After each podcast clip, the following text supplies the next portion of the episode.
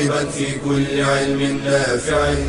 ينمو العلم ويتقدم بتقنياته ومجالاته ومعه نطور أدواتنا في تقديم العلم الشرعي أكاديمية زاد زاد أكاديمية ينبوعها.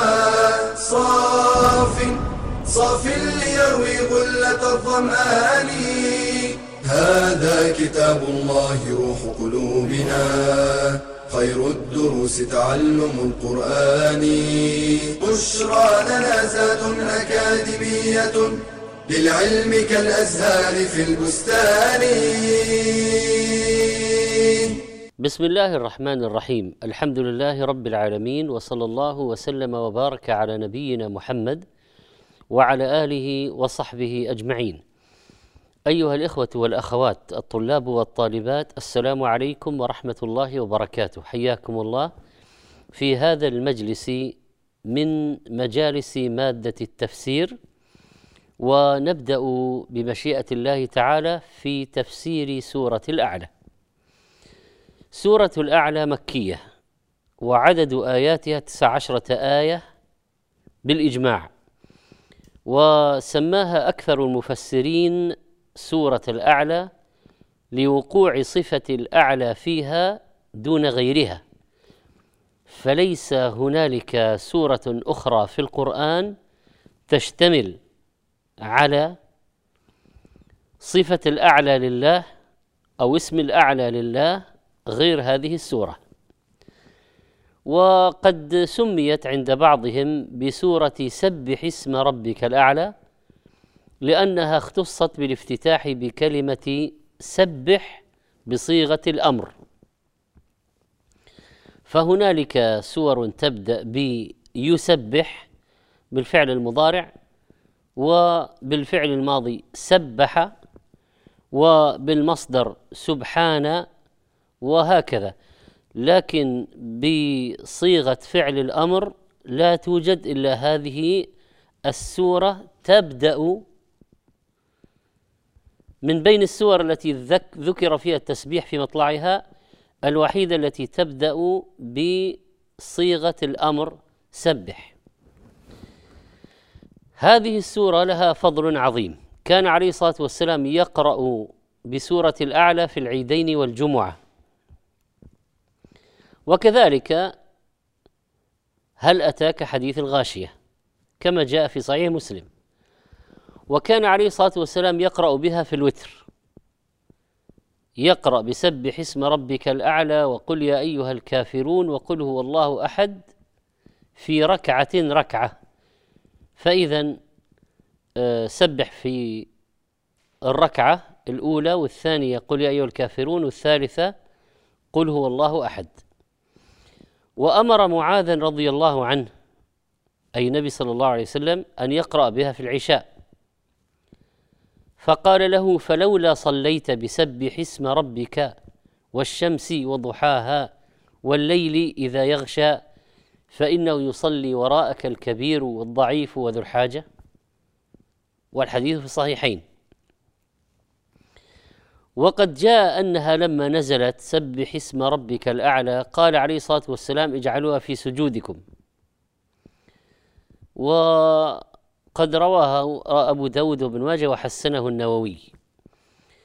آه الإمام ابن القيم رحمه الله آه ذكر أن وصف الرب بالعلو في هذه الحال يعني أثناء السجود في غاية المناسبة لحال الساجد. فذكر علو ربه لما انحدر وانحط إلى السفل في حال سقوطه. وسجوده. فما معنى سبح اسم ربك الأعلى؟ يأمر الله تعالى بتسبيحه. المتضمن لذكره وعبادته والخضوع لجلاله والاستكانة لعظمته. وأن يكون تسبيحا يليق به سبحانه. بأن تذكر أسماؤه الحسنى العالية على كل اسم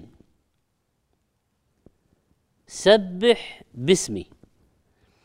التسبيح معناه تنزيه الله عن كل عيب ونقص. وعن الأوهام الفاسدة والظنون الكاذبة. وقال العلماء إن الأمر بتسبيحه سبح يقتضي تنزيه الله عن كل عيب وسوء. وإثبات الضد يعني صفات الكمال. نزهه عن النقائص وأثبت له الكمال. فإن التسبيح يقتضي التنزيه والتعظيم. والتعظيم يستلزم إثبات المحامد التي يحمد عليها. فيقتضي ذلك تنزيهه وتحميده وتكبيره وتوحيده. ومعنى سبح اسم ربك الأعلى أي سبح ربك ونزهه بذكر اسمه العظيم المنبئ عن تنزيهه لأن الأعلى الذي تعالى عن الباطل وعن النقص وعن كل ما لا يليق به. سبحه بقلبك وسبحه بلسانك. سبحه عما يقول الظالمون والملحدون. سبح اسم ربك. الرب الخالق المالك المدبر.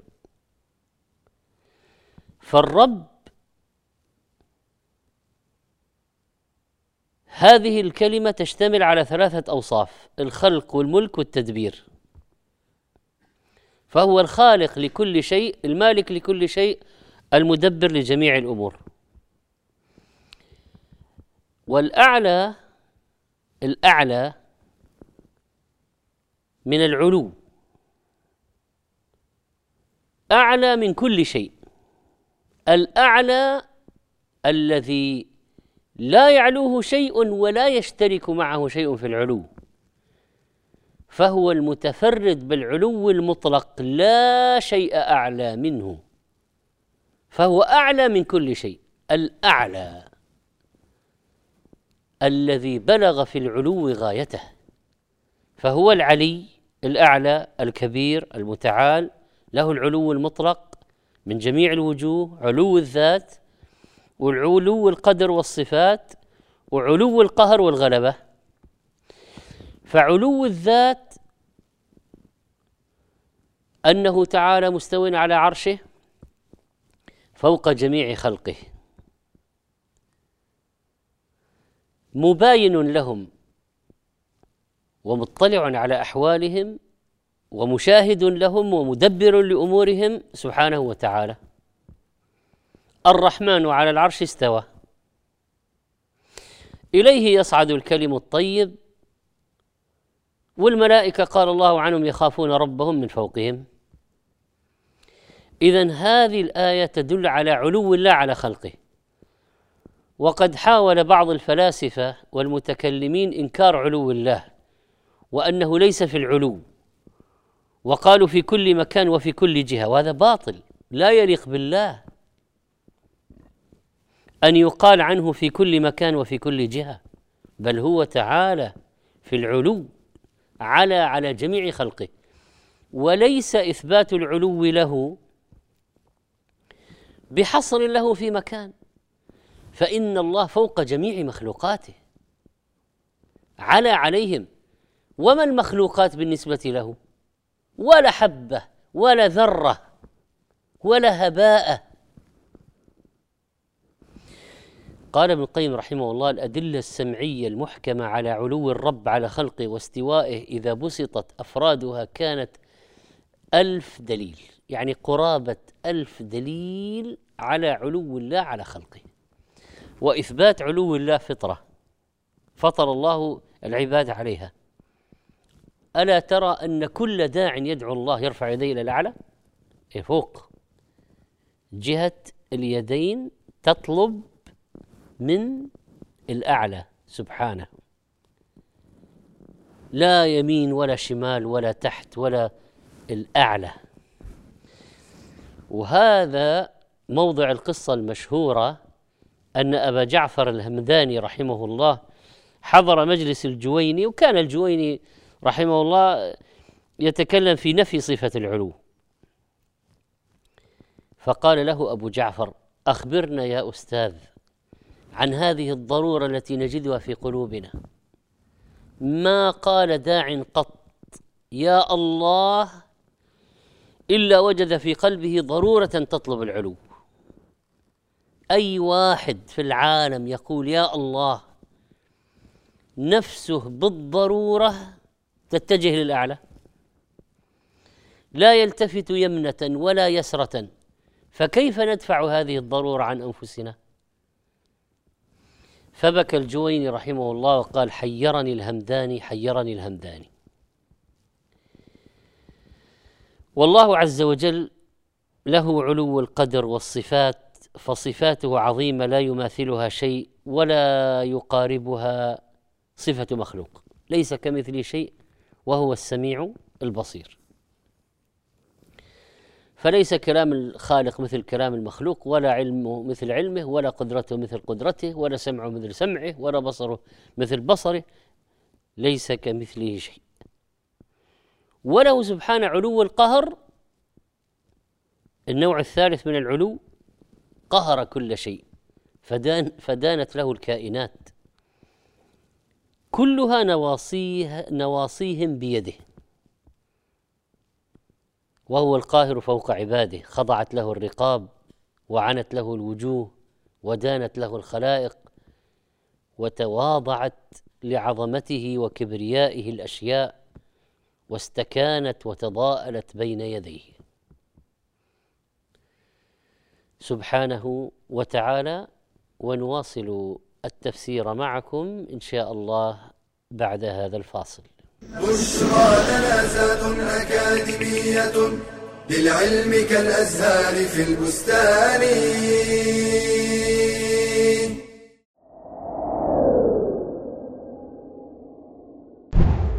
ما يريد الله ليجعل عليكم من حرج ولكن يريد ليطهركم.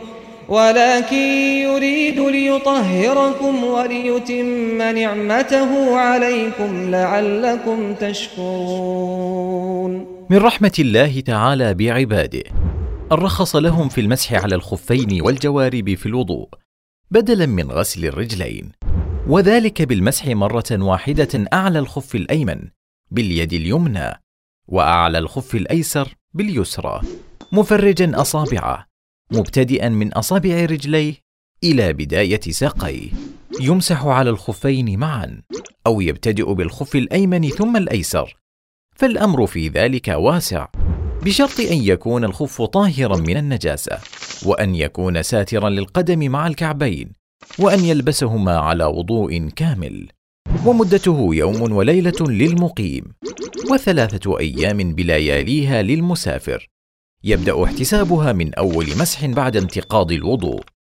فلو توضأ لصلاة الفجر مثلا ولبس الخفين ثم انتقض وضوءه الساعة التاسعة صباحا وتوضأ في الساعة الثانية عشرة ومسح على الخفين فيبدأ احتساب المدة من الساعة الثانية عشرة لا من الساعة التاسعة. ويكون المسح في الحدث الأصغر وأما الحدث الأكبر فيجب فيه الاغتسال الكامل. ومن خلع خفيه أو انتهت مدة المسح فوضوءه صحيح ما لم ينتقض بناقض آخر. فإن أراد المسح مرة أخرى وجب عليه أن يتوضأ اولا وضوءا كاملا يغسل فيه قدميه ثم يلبس الخف ويراعي الشروط السابقة.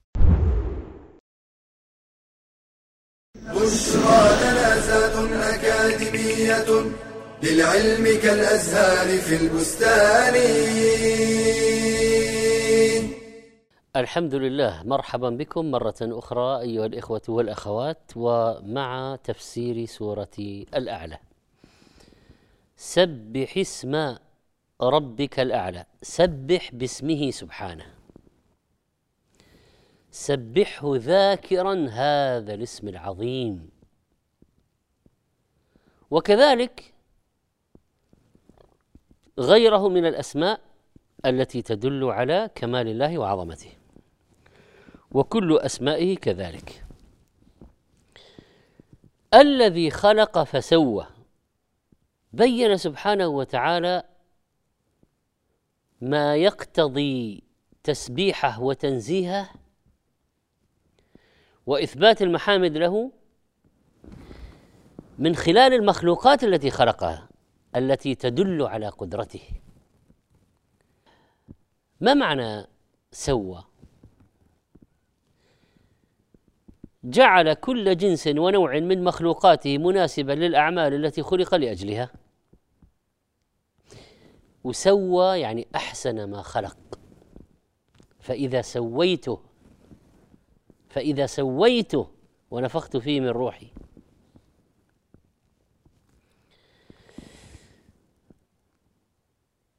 وسوى خلق كل ذي روح فجمع خلقه أكمله. وسواه اليدين والعينين والرجلين والقامة. قال بعض المفسرين الذي خلق فسوى يعني خلق لكل دابة ما يصلح لها من الخلق.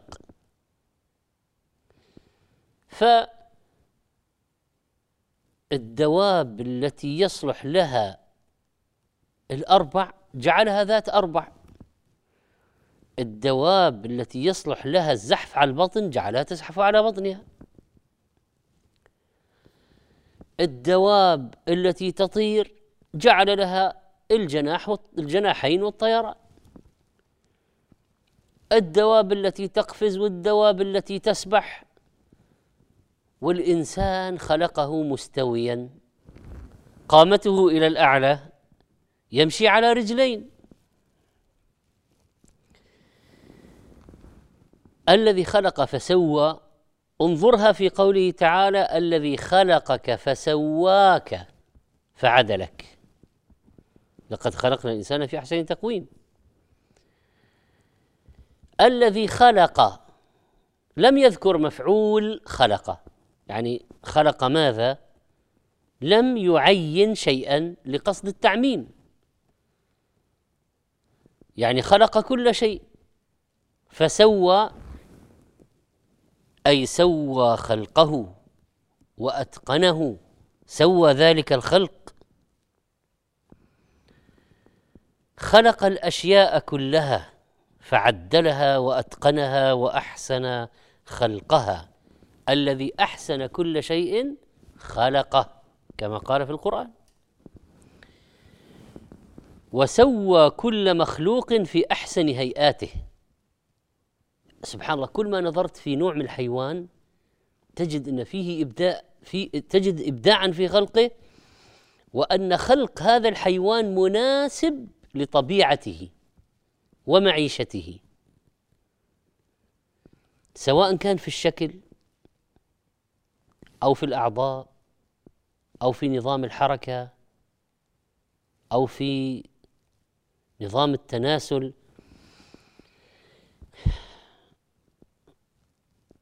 الذي خلق فسوى خلقا كاملا. قيل خلق في أصلاب الرجال وسوى في أرحام الأمهات. وقيل خلق الإنسان وهيأه للتكليف. ثم قال تعالى والذي قدر فهدى قدر وضع المقدار وأوجد الأشياء في ذواتها وقواها. قدر أقدار المخلوقات في الحال والمآل والذات والصفات. فكل شيء له قدر محدود وقدر أيضا. فالآجال محدودة والأحوال محدودة والأجسام محدودة وكل شيء مقدر تقديرا كما قال تعالى وخلق كل شيء فقدره تقديرا طيب قدر فهدى أي الهداية العامة هدى كل مخلوق إلى مصالحه ومعاشه كما جاء في الآية الأخرى قال ربنا الذي أعطى كل شيء خلقه ثم هدى. أعطى كل شيء صورته وشكله وهيئته. ثم هداه إلى ما خلقه له من الأعمال وهداه إلى ما يصلحه وجعل لكل عضو وظيفة فهدى الرجلين للمشي واليدين للعمل واللسان للكلام والأذن للاستماع والزوجين للتناسل. والطفل إذا خرج من بطن أمه وأراد أن يرضع يهديه الله إلى التقام الثدي بدون أي تدريب ولا تمرين مباشرة. من الذي هذا؟ هذا جنين خارج طفل من بطن أمه رضيع. مباشرة وهو مغمض العينين. في البداية ما يرى لكن يفتح فمه ويمص. من الذي علمه؟ فتح الفم والمص. ولا يقبل شيئا إلا هذه الحلمة. من الذي هداه لذلك؟ النمل. لا تبني بيوتها في أي مكان. بل تجعلها أحيانا في مرتفعات من الأرض حتى لا تفسد السيول وإذا جاء المطر وكان في جحورها طعام وحبوب أخرجته فنشرته إذا طلعت الشمس حتى لا يعفن. من الذي هداها لذلك؟ من علم الهدهد الحصول على غذائه من باطن الأرض؟ قال الله تعالى عنه ألا يسجدوا لله الذي يخرج الخبأ في السماوات والأرض ويعلم ما تخفون وما تعلنون؟ والهدهد عنده خاصية معرفة أشياء مخبوءة في الأرض تحت تحت الأرض. الطيور المهاجرة. من الذي علمها اتجاه الطيران وخط الطيران؟ ووقت الطيران ومكان النزول والوصول. كأن فيها بوصلة. وتطير تقطع المسافات العظيمة في أوقات معينة في السنة وليس عشوائيا. وتطير ذهابا وإيابا. بعضها إلى مسافة خمسين ألف كيلومتر في السنة. وبعض الأنواع تطير بدون انقطاع لمدة تصل إلى مئة ساعة. ولا يوجد طائرة في العالم تطير متواصلة مئة ساعة. هذا الطير لو لو انحرف درجة واحدة في طيرانه لوصل إلى مكان آخر مختلف تماما غير الذي يصلح له. فمن الذي سدده في طريقه؟ الذي أعطى كل شيء خلقه ثم هدى. الإنسان من الذي هداه للكلام ترى الطفل تلقائيا يبدأ يخرج الكلمات. الإنسان عنده بيان من الذي هداه لذلك. ومن الذي عرفه طريقي الخير والشر؟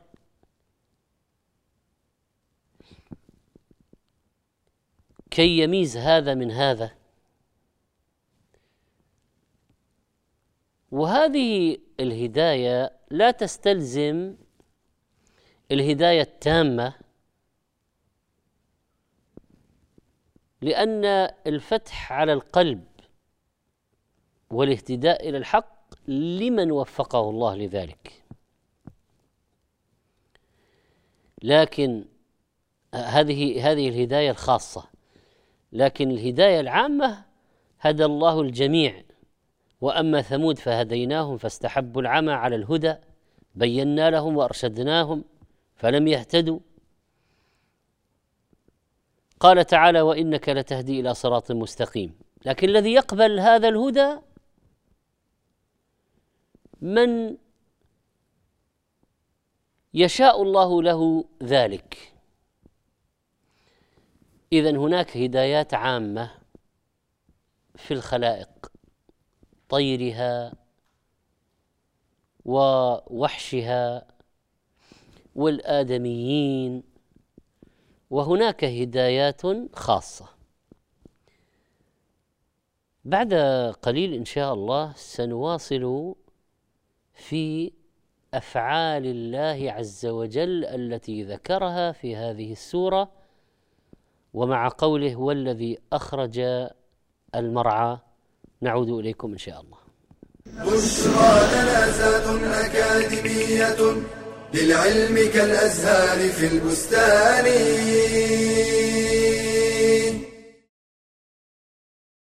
إذا كنتم ثلاثة فلا يتناجى اثنان دون صاحبهما فإن ذلك يحزنه. أدب يعلمنا إياه نبينا صلى الله عليه وسلم من خلال النهي عن التناجي وهو أن يستأثر اثنان بالحديث سرا دون الثالث أو ثلاثة دون الرابع أو أربعة دون الخامس. وهكذا فإن هذا لون من إلحاق الاذى بالمسلم لأنه يعود عليه بالحزن والخوف.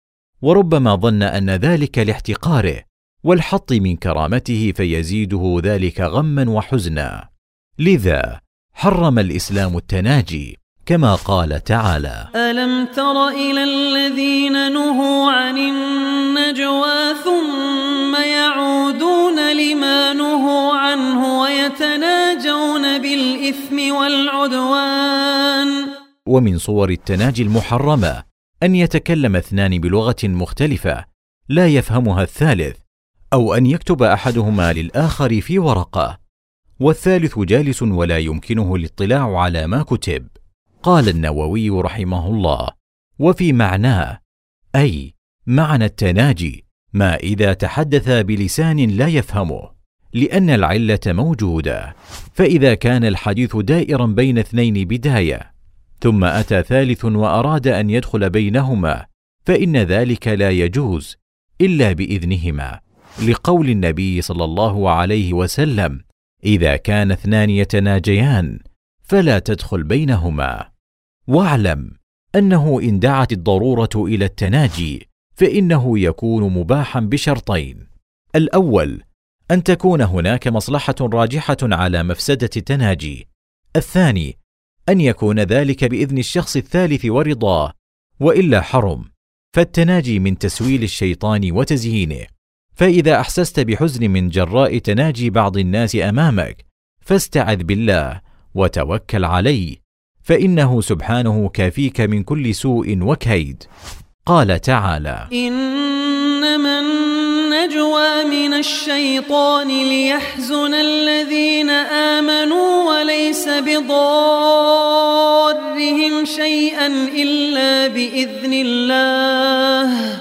وعلى الله فليتوكل المؤمنون. بشرى لنا أكاديمية للعلم كالأزهار في البستان. الحمد لله.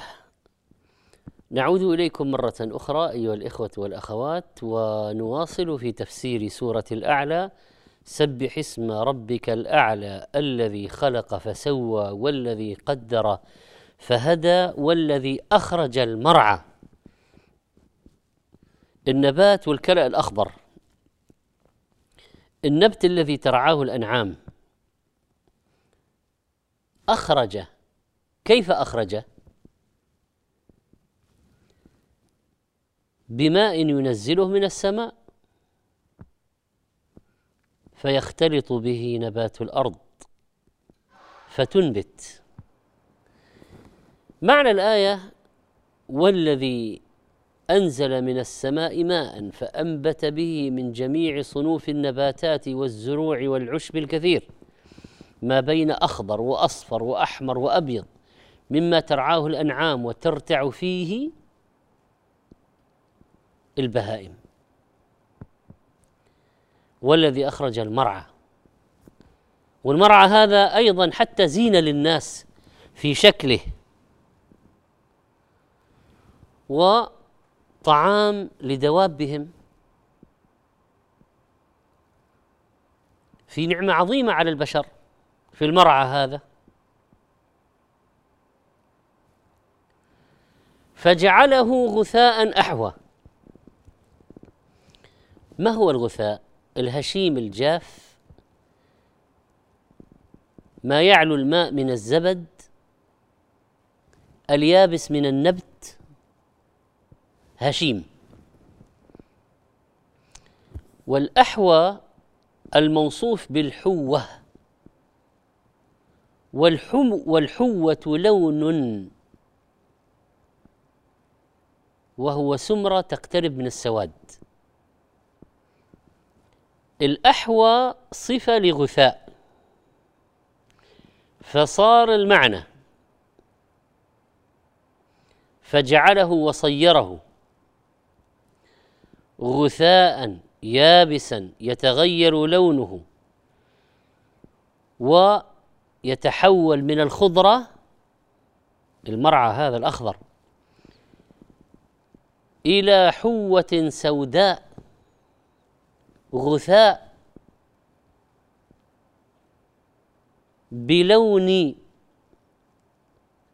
الحوة السوداء. هذا معناه أن الله يحيل الأشياء ويغيرها. فتبدأ بشيء وتنتهي بآخر. فالمعنى إذن لهذه الآية مع التي قبلها أنه سبحانه أخرج المرعى ناعما أخضر.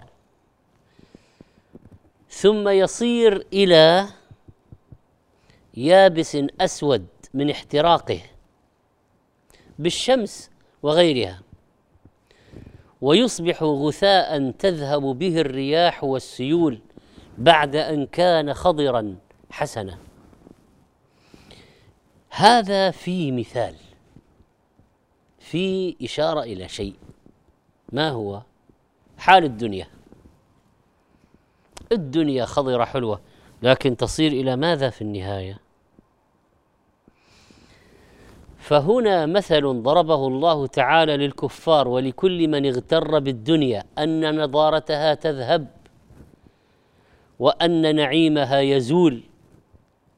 وأن زينتها تفنى وتبلى. كالمرعى الذي يكون بعد ذلك غثاء أحوى. فالحياة الدنيا كهذه المرعى الذي ينتهي ويصير إلى غثاء أحوى. فالدنيا لا تبقى والباقي الآخرة.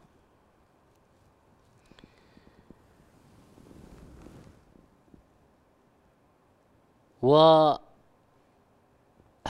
ولا شك فيه درس عظيم لنا في عدم الاغترار بالدنيا. والآيات هذه في مطلع سورة الأعلى فيها تعظيم لله وذكر لأفعال من أفعال سبحانه الدالة على قدرته وتدبيره سبح اسم ربك الأعلى الذي خلق فسوى والذي قدر فهدى والذي أخرج المرعى فجعله غثاء أحوى. فهناك تقدير من الأعلى سبحانه